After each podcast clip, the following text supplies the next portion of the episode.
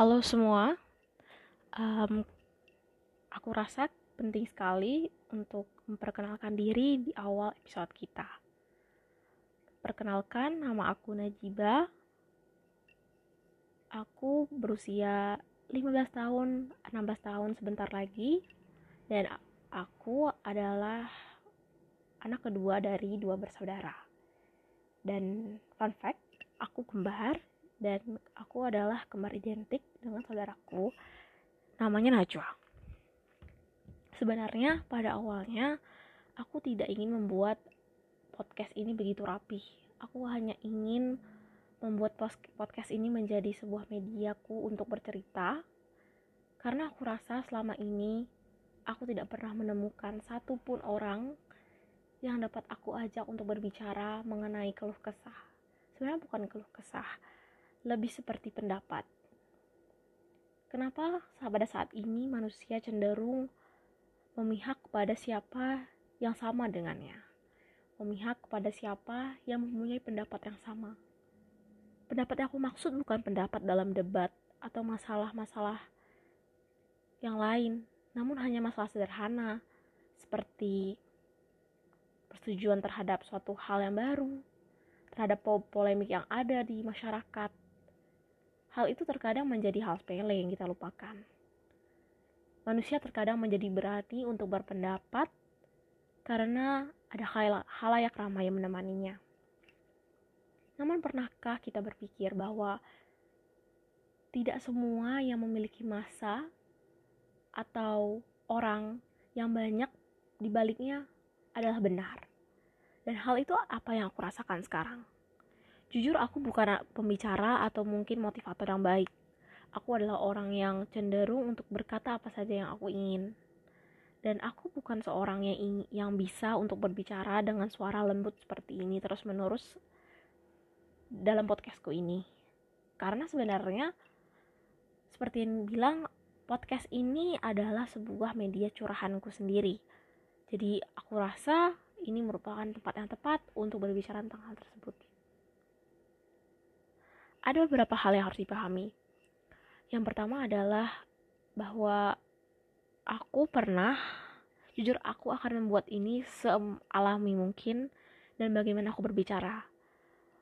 Untuk informasi bahwa aku tidak menggunakan kata lo gue dalam kehidupan, aku benar-benar menggunakan aku dan kamu di kehidupan. Mungkin banyak orang yang merasa itu aneh, namun menurutku itu sangat normal dan merupakan tatanan yang baik dan juga sopan bukan hanya kesopanan tapi juga karena aku nyaman menggunakan istilah ini. Heran terkadang rasanya orang selalu meremehkan kebiasaan yang lain. Contohnya, aku mempunyai seorang teman di sekolah. Ia merupakan seseorang yang sangat lembut dan juga selalu bertutur dengan baik. Selalu menggunakan kata saya dan Anda, kemudian selalu mengucap salam, maaf, terima kasih, dan tidak pernah menyinggung perasaan orang lain. Tapi apa yang terjadi? Malah kebanyakan dari orang-orang tersebut sengaja menyindirnya dengan menggunakan istilah yang sama, hanya untuk mengoloknya. Aku sebenarnya tidak tahu apa yang mereka maksud. Mungkin mereka maksud yang lain, atau mungkin mereka bukan bermaksud seperti itu. Itu kan yang bisa dikatakan semua orang untuk membela pendapat mereka dan membela kaum yang salah oke aku pakai bahasa kaum aku rasa salah jadi aku akan sedikit merubahnya. Jadi ada beberapa hal yang mungkin tidak dapat dipahami oleh semua orang.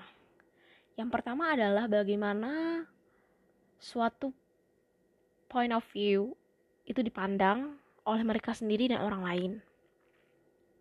Ada banyak hal sebenarnya esensial sekali untuk dipahami bahwa ada suatu titik di mana orang yang sangat pintar sekalipun, orang yang sangat cerdas sekalipun, terlihat bijak, mulai mengambil keputusan dan keputusan tersebut merupakan keputusan terbaik yang bisa diambil oleh seorang manusia, itu tidak dapat memahami keseluruhan dari aspek yang ada di kehidupan kita ini.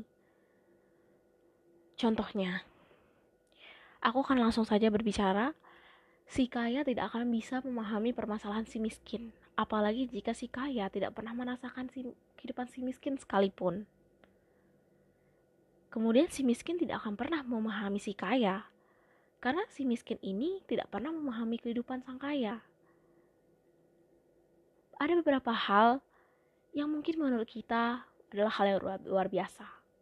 Contohnya, seorang yang dapat berkuliah atau sekolah ke luar negeri dengan segudang prestasi dan beasiswa.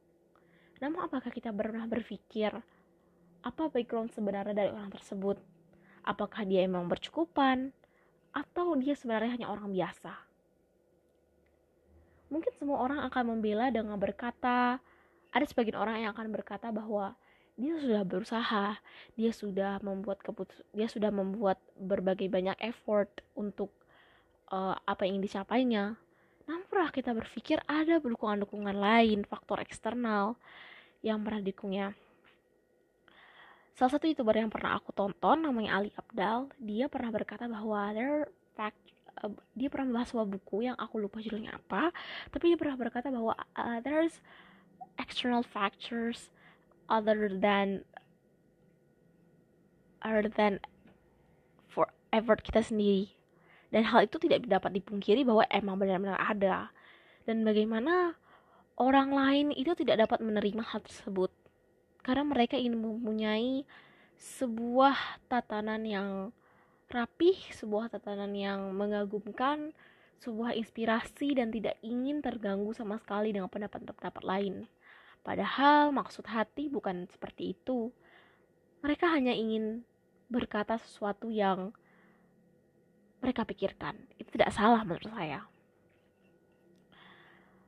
Oke, saya rasa saat ini waktunya sudah tengah malam. Saya sudah uh, karena ini episode pertama, saya rasa ini merupakan pembuka dan juga salah satu um, pandangan utama yang akan saya bahas di episode selanjutnya. Jadi, terima kasih banyak sudah mendengarkan. Sampai jumpa.